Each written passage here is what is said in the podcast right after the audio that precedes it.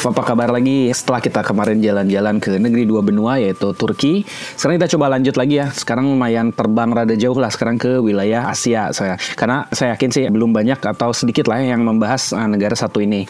Sekarang kita bergerak ke arah tenggara Asia di mana kita menuju ke negara yang dulu dikenal dengan nama Siam atau sekarang lebih dikenal dengan Thailand. Nah, seperti biasa kita nanti akan coba bedah lagi sejarah, kemudian geografinya, politik, kemudian sosiokultur di sana dan tidak lupa pastinya kita akan tentang sepak bolanya ya. Nah, mari kita berangkat ke Land of Smile, Thailand.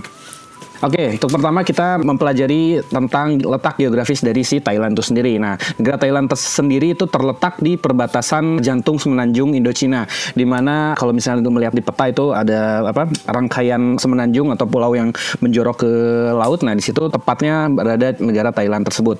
Nah, di mana untuk si bentuk negara sendiri itu memanjang ya, memanjang ke selatan, di mana di utaranya lebih besar, kemudian memanjang ke wilayah uh, selatan. Nah, untuk si batas-batasnya tuh apa aja sih? Nah, kita kita coba bahas dari wilayah utara Thailandnya. Nah, batas utara wilayah Thailand itu berbatasan langsung dengan negara Laos dan negara Myanmar. Kemudian di wilayah baratnya berbatasan dengan negara Myanmar lagi dan Laut Andaman atau Andaman Sea. Dan selain itu ada Selat Malaka. Lalu berpindah ke wilayah selatan itu berbatasan langsung dengan negara tetangga kita yaitu Malaysia. Dan ke wilayah timur itu berbatasan dengan Teluk Thailand atau Gulf of Thailand. Kemudian ada negara Kamboja dan wilayah Laos gitu. Lalu ada cerita unik nih terkait negara Thailand itu sendiri. Nah, cerita Thailand ini merupakan salah satu negara yang tidak pernah dijajah oleh bangsa lain. Nah, kenapa? Nah, kita coba akan bahas ya. Pertama, selain negara di Afrika yaitu uh, Ethiopia dan Liberia, ada juga negara satu lagi di wilayah Eropa itu wilayah Swiss dan satunya itu ada di Asia Tenggara itu yang bernama Thailand. Nah, Thailand ini memang tercatat tidak pernah memiliki invasor atau semacam imperialis atau penjajah gitu ya. Karena pertama dari segi sejarahnya sendiri mereka secara geografis itu merupakan sebuah buffer state atau negara yang menjadi pemisah antara di sebelah baratnya itu ada British Burma atau British Myanmar lah ya. Kemudian di wilayah timurnya itu ada wilayah French Indochina atau eh, Indochina Prancis yang dulu dikuasai oleh Prancis. Nah, kemudian adanya juga sistem suksesi kerajaan yang lumayan pelik ya di Thailand di mana pewaris tahta itu wajib mempunyai turunan khusus dari raja sebelumnya. Dan selain itu waktu pemerintahan dari Raja Rama V nanti kita akan bahas itu yang eh, bernama Chulalongkorn itu mengadopsi kebiasaan-kebiasaan Eropa yang di mana waktu itu memang sedang dikelilingi oleh orang-orang Eropa ya. Nah kemudian jalur diplomatik antara Siam dulu dengan si negara-negara Eropa di wilayah Indochina itu menjalin hubungan yang baik sehingga potensi untuk dijajah itu menjadi minimal atau meminimalisir potensi untuk dijajah di negara si Thailand tuh. Kemudian selain itu ada ada salah satu perjanjian yang cukup penting bagi negara Siam. Itu ada di tahun 1855 tepatnya 18 April itu ada namanya Treaty of Bowring atau perjanjian Bowring. Ini di mana ada perjanjian antara negara Inggris dengan negara Siam di mana yang hasil-hasil dari si perjanjian ini pertama adalah yang jelas menguntungkan dua belah pihak ya baik itu sisi dari sipil atau dari si uh, perdagangannya. Nah, sehingga ini menyebabkan dihapuskannya monopoli-monopoli perdagangan di Thailand dan menjadi lebih terbuka terhadap orang-orang Eropa khususnya sih untuk negara Inggris gitu ya. Kemudian dia menghapuskan juga biaya impor karena waktu zaman dulu tuh memang terkenalnya di wilayah Indochina itu terkenal dengan bisnis opiumnya atau misalnya perkebunan opium yang di mana itu disukai oleh orang-orang dari si Eropa. Lalu kemudian isi perjanjian Bowring pun menyebutkan bahwa negara Barat tidak boleh memasuki atau mengikut campur terhadap urusan dalam negeri di kerajaan Siam. Nah kemudian setelah itu ya selain dengan Inggris ya justru menjalin juga kerjasama dengan si French Indochina atau negara Prancis. Nah itulah yang menyebabkan kenapa Thailand sehingga saat ini itu belum pernah tercatat dijajah oleh negara lain gitu.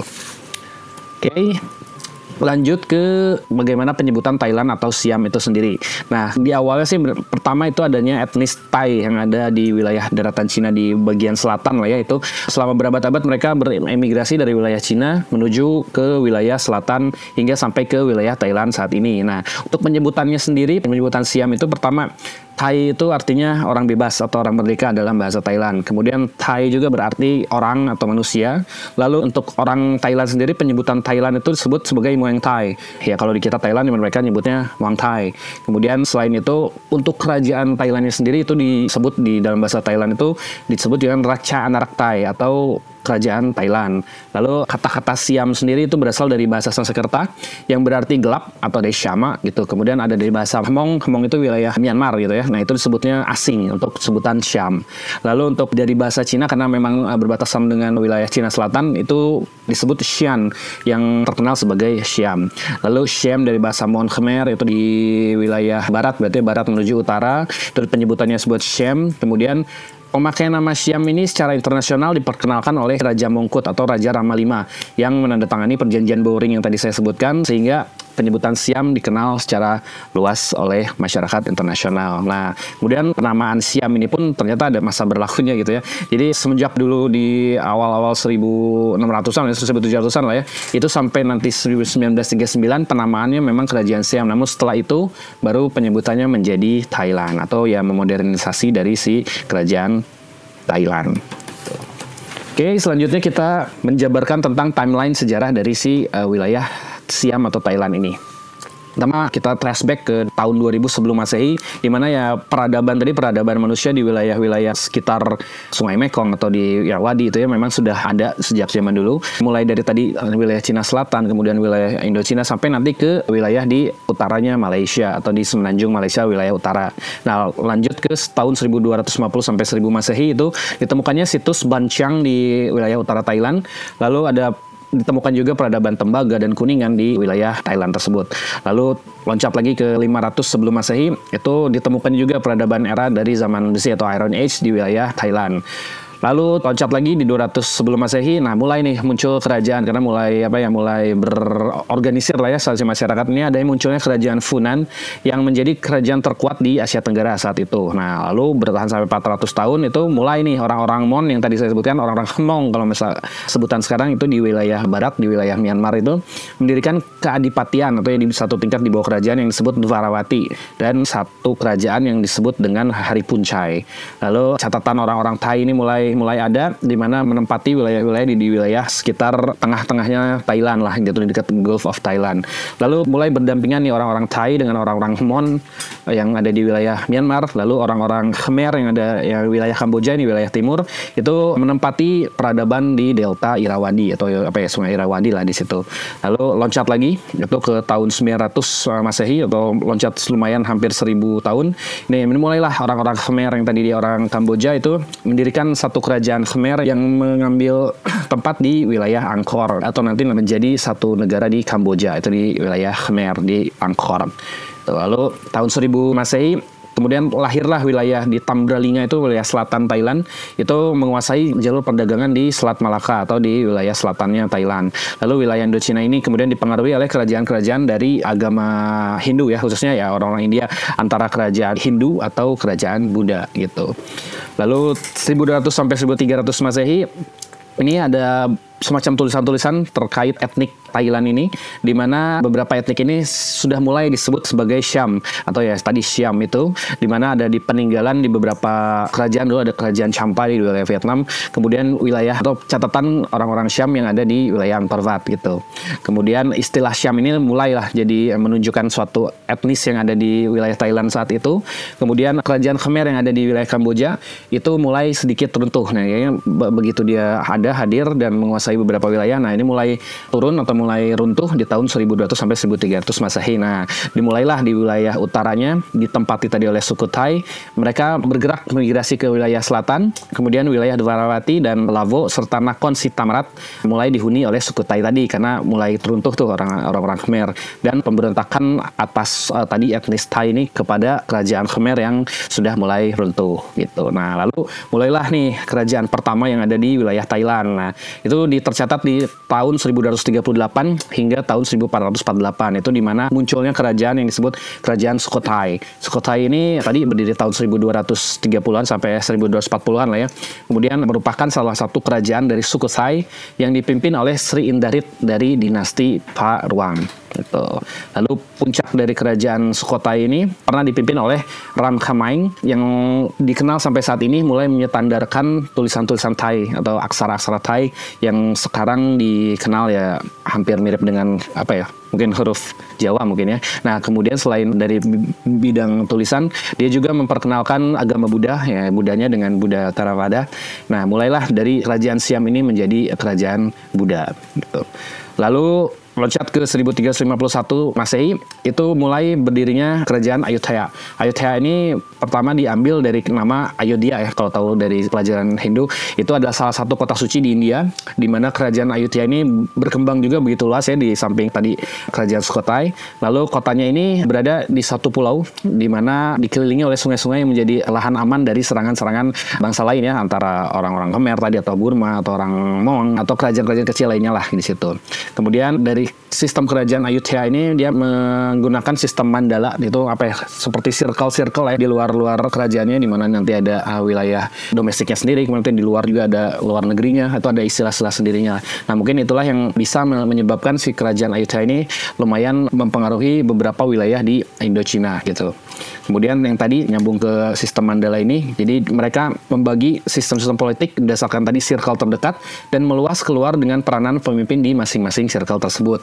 Kemudian adanya juga perkawinan tadi, perkawinan politik antara atau invasi terhadap kerajaan-kerajaan kecil di wilayah sekitarnya. Lalu konsep Mandala ini ternyata dipakai juga nih di beberapa kerajaan di Nusantara, antara lain di Kerajaan Sriwijaya, kemudian Kerajaan Majapahit.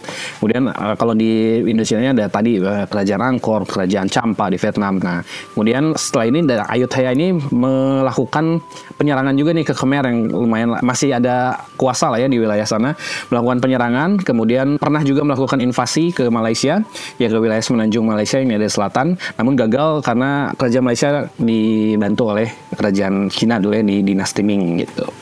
Lalu di era Ayutthaya juga mereka melakukan kontak dengan orang-orang Eropa, khususnya orang Portugal ya, di mana mereka ya jelas berdagang dengan pelaut Portugal itu namanya ada Alfonso de Albuquerque. Nah itu salah satu explorer lah, explorer yang sempat mengelilingi beberapa negara di dunia. Gitu. Lalu nah mulailah setelah Portugal masuk itu diikuti oleh beberapa negara-negara Eropa. Itu antara lain ada Prancis pernah masuk, kemudian Belanda juga pernah masuk, dan Inggris juga pernah masuk ke wilayah uh, Siam gitu. Lalu mulai begitu Prancis masuk ke wilayah Indochina, nah ini mulailah mengganggu nasionalisme dari si wilayah di beberapa bagian di Indochina. Nah, salah satunya ya dengan mereka pernah menjajah uh, French Indochina itu di wilayah uh, Vietnam hingga ke Laos di utara gitu. Lalu untuk golden age-nya atau era keemasan dari Kingdom of Ayutthaya ini khususnya ya sekarang nanti disebut Siam itu jelas di bidang kesenian, kemudian di bidang sastra, di bidang pendidikan. Namun di akhir-akhir eh, periode keemasan itu di tahun 1759 itu kerajaan Ayutthaya tadi diserang oleh tentara atau kerajaan dari Burma. Nah, dari wilayah barat nih mulai penyerangan terhadap Ayutthaya. Nah, kerajaan Ayutthaya akhirnya harus hancur di tahun 1767 akibat serangan dari kerajaan Burma dari barat utara gitu. Kemudian setelah Ayutthaya turun, timbullah kerajaan baru yang disebut Kerajaan Tonburi. Nah, Tonburi ini hidup di tahun sekitar 1767 hingga nanti di 1782 lumayan singkat lah ya. Nah, ibu kotanya ini masih dikuasai oleh Burma karena diserang ya tadi si Ayutthaya. Nah, kemudian mereka sebenarnya menggabungkan kekuatan nih dari beberapa kerajaan kecil untuk menyerang Burma atau menahan dari serangan Burma. Nah, kemudian momen ini dipimpin oleh namanya Chow Tak atau yang disebut dengan Taksin. Nah, Taksin ini sebagai pemimpin dari dari si Tonburi di mana Taksin juga mendeklarasikan bahwa Tonburi ini sebagai ibu kota baru atau ibu kota sementara dan mulai melakukan penaklukan terhadap si kerajaan-kerajaan di sekitarnya untuk gathering power lah ya untuk mengumpulkan kekuatan untuk menghadapi serangan dari Burma gitu. Lalu hasil dari kekuatan tersebut mereka berhasil mengusir Burma dari wilayah Siam dulu, kemudian mencaplok wilayah Vientiane atau Vientiane di wilayah Laos di wilayah utara, lalu mengusir Burma tadi mengusir Burma jadi ke wilayah utara. Jadi kerajaan Burma itu terusir sampai ke wilayah utara atau nanti di wilayah lama gitu. Kemudian Taksin ini juga ternyata dituding ya setelah setelah mengusir Burma ya, mereka hidup lumayan apa ya sejahtera ya setelah mengusir Burma. Ternyata Taksin ini difonis atau dituduh ternyata dia gila atau apa ya mengalami depresi lah ya oleh si ajudan pribadinya. Nah, ajudan pribadinya ini dikenal dengan nama Jenderal Chow Praya Cakra. Nah, Chow Praya Cakra ini nantinya setelah menuduh tersebut apa namanya Raja Taksin ini harus dieksekusi atau dibunuh dan kemudian jenderal ini atau ajudannya ini menjadi raja pertama dari kerajaan Ratanakosin. Nah, begitu kerajaan Tonburi ini runtuh, maka hiduplah atau dilanjutkan kembali oleh kerajaan Ratanakosin yang dipimpin tadi oleh Jenderal Chaupraya Cakra atau nanti yang akan memimpin dari dinasti Cakri. Nah, ini mulai nih sekarang ke dinasti Cakri yang mulai berdiri dari 1782 itu dipimpin tadi oleh Rama I yang nanti disebut Rama I ini dari si Jenderal Chopraya Cakra ini yang kemudian merubah namanya menjadi Pra Putayava Chulalok Maharaj atau dia raja dari si Ratana Kosin. Nah, ini ya prestasi dia yang pertama yang berhasil menahan serangan Burma, kemudian meluaskan wilayah Siam ke wilayah Kamboja dan Laos, memindahkan ibu kota dari seberang Thonburi tadi menuju ke Ratana Kosin yang berada di seberang Sungai Chopraya. Nah, lalu 100% Burma berhasil diusir dari wilayah Siam Lalu mereka juga menobatkan tadi menobatkan pra ya tadi pra Praculalok Maharaj itu menjadi raja Ratanakosin yang pertama atau King Rama the First. Lalu kekuasaannya beralih lagi ke anaknya ke Rama II ini disebut atau nama aslinya itu Praputalotlanapalai ya, dan dilanjutkan oleh Rama III atau disebut dengan Nangklau. Nah, di bawah kepemimpinan Rama II dan Rama III ini beberapa apa perkembangan lah ya, melesatnya perkembangan kebudayaan, kemudian seni tari, puisi dan teater ini mulai bangkit di mana di situ juga dibangun kuil Wakpo yang terkenal di wilayah Bangkok ya. Lalu ada pembangunan universitas pertama di Siam, lalu mulai westernisasi teknologi atau memodernisasi teknologi yang ada di Siam pada saat itu. Lalu lanjut ke Rama 4 yang disebut The King Mongkut. Nah, kemudian dilanjutkan ke Rama 4 dan Rama 5. Rama 4 ini disebut dengan King Mongkut dan Rama 5 ini disebut dengan Chulalongkorn. Nah, dia berkuasa dari rentang waktu 1851 sampai 1910. Nah, di mana perubahan-perubahan yang dibawa oleh Rama 4 dan Rama 5 ini, pertama ada pertama tadi memodernisasi Siam juga, kemudian mendapatkan ancaman koloni dari Inggris dan Prancis tadi yang mereka berhasil menjadikan buffer state, Siam menjadi buffer state, lalu mengadopsi pendekatan ilmu pengetahuan dari barat. Nah, kalau Rama 4 sendiri beberapa catatan uniknya ya, dia pernah menjadi uh, biksu Nah, selama 26 tahun, kemudian menguasai budaya tradisional dan mendalami agama Buddha. Lalu dia memiliki pengetahuan yang kuat dan menguasai banyak bahasa. Lalu raja pertama yang bisa menguasai bahasa Inggris sebagai bahasa keduanya gitu ya. Lalu tercatat memiliki lumayan banyak anak nih.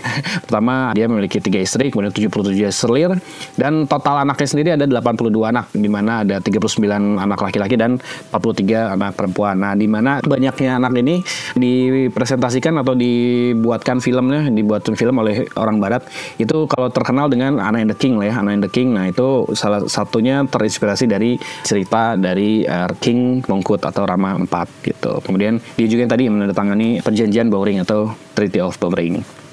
Lalu pindah ke Rama V ke Chulalongkorn Nah, Chulalongkorn ini merupakan satu catatan uniknya lagi. Ini raja pertama yang mendapatkan pendidikan barat karena full semuanya dia belajar di wilayah Eropa, khususnya kalau salah di Inggris saya. Kemudian mendirikan sistem peradilan bagi kerajaan Siam, menghapuskan sistem perbudakan walaupun masih adalah beberapa yang belum dicabut. Lalu menjaga Siam dari penjajahan tadi Inggris dan Prancis. Kemudian sempat kehilangan beberapa wilayah di wilayah Vietnam dan Kamboja dan batas wilayah dari Thailand pada zaman Rama V itu masih ber apa ya bertahan sampai saat ini ini. Nah, berarti mulai apa mempertahankan kedaulatan lah ya untuk kedaulatan dari uh, Siam. Lalu jelaslah menanamkan westernisasi dan modernisasi untuk Siam itu terus dilakukan oleh beberapa raja. Lalu tadi catatan untuk si anaknya juga ini lumayan banyak juga karena dia catat memiliki 76 anak di mana 32 putra dan 44 putri. Ya lumayan banyak nih untuk si dinasti Cakri yang mulai dimulai dari Rama 1 tadi dan mulai banyak anak di Rama 4 dan Rama 5. Kemudian catatannya mungkin pernah berkunjung ke Bandung kali ya karena ada beberapa situs prasasti yang ada di wilayah Dago itu katanya sih pernah ditandatangani atau apa di oleh Rama 5 Chulalongkorn ini gitu. Beralih ke Rama 6, ini mulai nih modernisasi lagi yang disebut dengan Raja Vajirafud yang berkuasa dari 1910 sampai 1932. Nah, raja ini semakin intens untuk memodernisasi Thailand atau memodernisasi Siam di mana penggunaan nama tadi yang Rama 1 sampai 5 itu dimulai dari si Rama 6 ini gitu. Jadi diinisiasi lah ya karena dia mendapatkan beberapa pendidikan di luar negeri lah. Khususnya dia belajar tentang hukum dan politik gitu. Kemudian mulai pengenalan kalender Masehi dan mulai menyingkirkan kalender-kalender yang ada di budaya-budaya Thailand lah dulu gitu. Kemudian konsep ius sanguinis atau di mana kewarganegaraan berdasarkan dari garis keturunan. Nah, itu mulai digalakan di wilayah Thailand. Lalu pendirian dari Universitas Chulalongkorn. Nah, Universitas Chulalongkorn itu salah satu universitas yang terkenal juga ya selain Universitas Tamasat yang ada di Bangkok. Itu boleh didirikan untuk menghormati dari ayahnya berarti ayahnya dari King Rama VI atau dari Fajirafud ini.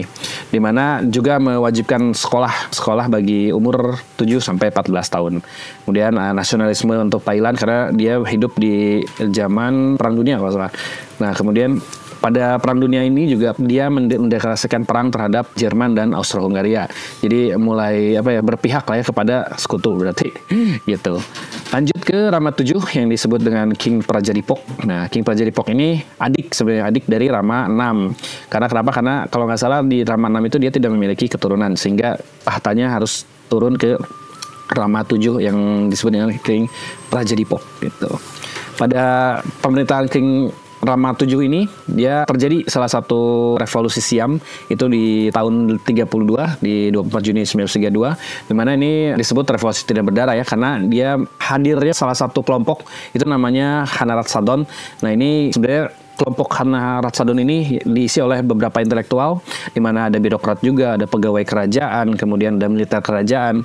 Yang intinya sih Hana Ratsadon ini menentang sistem monarki absolut ya, di mana si Rama VII ini mulai digoyah ya kepemimpinannya gitu. Nah, di mana si monarki yang dulunya absolut mulai dialihkan menjadi monarki konstitusional di mana kekuasaan monarki itu harus eh, berdasarkan konstitusi dan tidak. Jadi kekuasaan kerajaan ini mulai dibatasi lah oleh si Khanarat Sadon ini gitu. Oke, okay, selain tadi memperlakukan batasan waktu terhadap pengusaha di Thailand, di sini juga terjadi penunjukan perdana menteri pertama untuk Siam yang ditunjuk bukan dari suatu partai. Nah, di mana ini menjadi titik ya tonggak gitu ya tonggak sejarah bahwa si kekuasaan dari si raja itu dimulai dialihkan ke perdana menteri. Nah, selain memberikan efek baik juga memberikan sedikitnya efek buruk juga ya untuk beberapa eh, masa ke depan karena di dalam sejarah Thailand itu nanti ke depannya beberapa konflik horizontal itu terjadi akibat pergantian dari si perdana menteri perdana menteri selanjutnya gitu. Nah untuk si pergantian tersebut pertama adanya rivalitas antar faksi yang menyebabkan tadi saling berebutnya kuasa antara perdana menteri gitu. Oke, okay, nah setelah tadi adanya apa berbagai kudeta atau berbagai pergantian tadi perdana menteri akhirnya Rama VII harus turun tahta dan mengasingkan diri lah ya karena melihat situasi dalam negerinya yang tidak kondusif gitu. Nah, oke okay, pada serta kekuasaan dari si Raja Rama VII tersebut juga terjadi. Nah, Siam pernah sempat dipimpin oleh perdana menteri yang kadang disebut sebagai diktatornya Thailand itu dipimpin oleh Tibu Songkram dan kemudian pada tahun ini juga mulai merubah nama Siam tadi yang dipakai selama ratusan tahun menjadi Thailand. Nah, mulai diresmikan tahun 1939. Nah, kemudian di tahun ini juga menaikkan isu nasionalisme dari ras Thailand sehingga Thailand menjadi tempat bagi orang-orang Thai lah mengapa disebut Thai juga karena menjadi wilayah yang bisa dihuni oleh bangsa-bangsa Thai atau orang-orang Thai untuk menuju ke Thailand gitu. Nah, lalu pada Perang Dunia Kedua, Thailand tidak seperti Perang Dunia Pertama. Nah, Thailand mengambil keputusan bahwa dia netral pada Perang Dunia Kedua tersebut. Nah, kemudian lanjut ke Rama 8 yang disebut atau mempunyai nama asli Ananda Mahidol. Nah, Ananda Mahidol ini pada usia 9 tahun dia sudah diangkat menjadi raja. Dia masih bersekolah di Lausanne di Swiss. Di mana pada saat kembali ke Thailand di tahun 1945 dia sempat memerintah berapa bulan gitu ya. Kemudian dengan sangat mengenaskan dia harus temukan secara tragis. Gosipnya sih menembakkan kepalanya sendiri atau bunuh diri lah ya. Nah tapi ini belum tahu juga nih keaslian atau sejarah aslinya. Karena banyak isu-isu lah di, di seputar pembunuhan atau bunuh dirinya dari Raja Rama 8 atau Ananda Mahidol ini karena sampai saat ini masih sangat dirahasiakan mengapa Ananda Mahidol harus meninggal gitu Nah, setelah itu, setelah Ananda Mahidol ini turun tahta ya karena meninggal, dia langsung digantikan oleh adiknya. Nah, adiknya ini bernama Bumibol Adul Yadei atau yang disebut dengan Rama 9. Nah, Raja Bumibol Adul Yadei ini memimpin Thailand untuk jangka waktu yang sangat lama dan hampir apa ya hampir sepanjang hidupnya lah ya dia berkuasa di Thailand dan diangkat sebagai raja tahun 9 Juni 46 sampai terakhir meninggal di tahun 2017-an. Nah, ini menjadi raja terlama yang pernah memerintah suatu kerajaan di dunia ya berarti. Kemudian dikenal juga sebagai raja yang paling karismatik karena dicintai oleh rakyat-rakyatnya dan ya kemarin waktu meninggal juga memang banyak lah saya pelayat dari berbagai dunia dan menyayangkan kepergiannya lah gitu. Kemudian setelah itu baru digantikan oleh anaknya yaitu Raja Fajila Longkorn yang dikenal sebagai Rama 10 dan Fajrul ini kalau ngelihat di apa namanya berita-berita yang memang banyak isu-isu miring yang terhadap dirinya. Cuman ya itu balik lagi ke rakyatnya apakah betul sebagai isu miring. Tapi kalau di media luar ya mungkin itu sebagai catatan khusus lah bagi seorang raja memimpin suatu negara Tuh.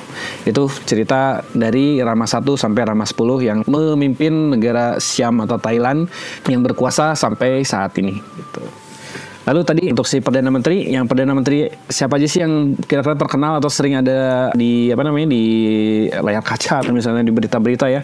Pertama pernah dipimpin atau uh, selama masa pemerintahan yang dipimpin oleh perdana menteri tercatat sebanyak 29 kali pergantian perdana menteri. Nah lumayan banyak kan ya karena ini juga beberapa kisah di pergantian juga karena melibatkan tadi semacam kudeta atau ya tragedi-tragedi sedikit ada yang berdarah ada yang enggak gitu ya. Makanya begitu banyak pergantian perdana menteri di negara Thailand. Thailand. Nah, Perdana Menteri yang terkenal antara lain pertama ada Anan Panyaracun, kemudian Taksin Sinawatra, kemudian Surayut Chulanon, Sanak Sundarave, kemudian Abisit Vejajiva, Yingluck Sinawatra, dan terakhir Prayut Chanocha atau disebut Lungtu gitu ya. Nah, itu beberapa catatan dari Perdana Menteri yang pernah memerintah di Thailand. Oke, sekarang kita beralih ke sisi administrasi dari si wilayah Thailand sendiri gitu ya. Untuk wilayah sendiri Thailand itu terdiri dari empat region atau disebut PAK gitu ya. Nah ini untuk membagi batasan-batasan wilayah Thailand itu sendiri. Nah pertama ada Thailand Utara itu yang disebut dengan Lana atau Noya. Nah di mana kota terbesarnya itu ditempati oleh Chiang Mai. Ini pernah di apa ya kalau nggak SEA Games atau SEA Games Chiang Mai gitu ya. Kemudian disebut juga sebagai Khon Wang atau Thailand Utara. Lalu Thailand Timur Laut itu disebut Tawan atau lebih dikenal sebagai Isan atau ya Thailand bagian timur timur laut lah ya, timur-timur utara. Nah, itu orang-orang Isan disebutnya. Nah, kota terbesarnya itu ada di Nakhon Ratchasima. Itu pernah juga kalau salah jadi tuan rumah SEA Games juga kalau salah di Nakhon Ratchasima. Dan ini disebut sebagai Khon Isan. Lalu di Thailand Tengah atau disebut dengan Siam atau disebut Klang juga. Nah, ini di kota terbesarnya ya jelas adalah eh, Bangkok Metro atau Bangkok gitu. Lalu di wilayah selatan, ini region terakhir ini disebut dengan Tambralinga. Tambralinga ini tadi yang disebut di awal itu dari wilayah selatan. Nah, karena Taiwan Selatan ini disebut dengan Thai. Kota terbesarnya ada di mana? Ada di Hatyai. Nah, dari empat region tadi itu terdapat sekitar 76 provinsi atau yang disebut dengan Changwat dan satu daerah khusus ibu kota yang disebut tadi Bangkok. Jadi sekitar 77 provinsi yang ada di Thailand. Dari 77 provinsi ini itu terdiri lagi nih, terpecah lagi menjadi 878 distrik atau ampol. Dari distrik tadi 878 itu terbagi lagi dari sub-sub distrik atau yang disebut tambun itu sebanyak 7.255 tambun. Gitu. Oke, okay, untuk si luas wilayah si Thailandnya sendiri itu ada sekitar 513.120 km persegi. Nah, kemudian untuk ibu kotanya disebut Bangkok. Nah, namun kalau nggak salah sih beberapa tahun kemarin itu Bangkok ini sempat diganti namanya ya, jadi bukan Bangkok lagi. Kalau nama yang sekarang itu kita sebut Krung Tep Mahanahon Amon Ratanakoshin Mahinta Rayutaya Mahadi Lokpop Noparata Chantani Burirom Udom Rachani Wet Mahasatan Amon Pimana Watanshit ya Wetsanu Kamprasit. Nah, itu sebutan panjangnya cuman kalau sekarang sih jangan sebut panjang-panjang cukup disebut sebagai Krungtep Manahon aja gitu. Nah, artinya dari tadi itu apa? Itu adalah City of Angels, Great City of Immortals, Magnificent City of the Nine Games, Seat of the King, City of Royal Palaces, Home of Gods Incarnate, erected by Visvakarma at Indra's behest. Atau bahasa Indonesianya, kota para malaikat, kota para dewa yang agung, kota sembilan permata yang megah, singgasana raja, kota istana kerajaan, rumah jelmaan para dewa, didirikan oleh Visvakarman atas perintah Indra atau Dewa Indra. Hmm, itulah nama panjang dari si Bangkok. Gitu. Kemudian untuk si bentuk pemerintahannya sebagai unitary parliamentary semi demokratik atau semi demokrasi dengan sistem parlementer yang uniter atau satu gitu ya. Atau sebutan lainnya ya monarki konstitusional atau sistem kerajaan yang berdasarkan konstitusi. Gitu. Untuk raja tadi dipimpin oleh King Vajiralongkorn atau Rama 10. Untuk perdana menterinya dipimpin oleh tadi Prayut Chanocha atau yang disebut dengan Lutu atau Uncle Lutu ya, Uncle gitu. Nah, selain itu juga di Thailand juga terkenal dengan pasal 112-nya. Nah, pasal 112 ini tuh apa sih? Nah, ternyata Thailand masih menganut lese majesté. Nah, lese majesté ini apa sih? Jadi satu hukum yang di mana mereka tidak boleh menghina atau mengkritik anggota-anggota kerajaan yang sedang berkuasa. Nah, di mana jika kalian atau misalnya warga Thailand itu ketahuan untuk mengkritik atau enggak mencemarkan nama baik dari anggota kerajaan, anggota kerajaan itu siapa aja sih? Bisa raja, bisa ratu, bisa pangeran, bisa pemangku tahta atau siapa pun yang masih berkaitan dengan kerajaan Thailand jika mengkritik dari anggota tersebut maka hukumannya itu bisa dipenjara antara 3 sampai 15 tahun. Nah, itu salah satu mungkin minusnya gitu ya dari sistem lese majesté gitu. Lalu untuk si jumlah penduduknya itu ada sekitar 69 juta 648 117 juta penduduk di mana untuk diversifikasinya atau pembagian etnis-etnis yang ada di Thailand itu orang-orang Thai itu mendiami 80% dari total penduduk atau sekitar 50 juta. Di mana ini terdiri dari yang tadi Thailand Central, Thailand Tengah, atau Thai yang ada di dekat Lao, Thailana yang di utara, kemudian Dambro Thai, kemudian ada Western Thai atau di wilayah barat. Nah, terus selain itu ada Chinese Thai atau orang Thailand yang masih memiliki keturunan Chinese atau dari uh, keturunan Cina lah ya. Itu menempati sekitar 10% dari total jumlah penduduk Thailand, itu sekitar 7 juta. Lalu ada orang-orang Khmer yang ada di wilayah mungkin perbatasan ya, perbatasan Kamboja, itu menempati sekitar 2 juta. Lalu yang lainnya itu lumayan lah menempati sekitar 4,8 juta yang ada dan hidup di wilayah Thailand. Sekarang kita beralih ke agama yang ada di Thailand. Nah, jelas kalau agama yang ada di Thailand itu mayoritas itu beragama Buddha. Nah, Buddha ini ada dari bagian itu ada dari si uh, Buddha Theravada itu menempati sekitar 93 persenan lah ya, sekitar 65 juta itu penganut dari Buddha Theravada yang ada di Thailand.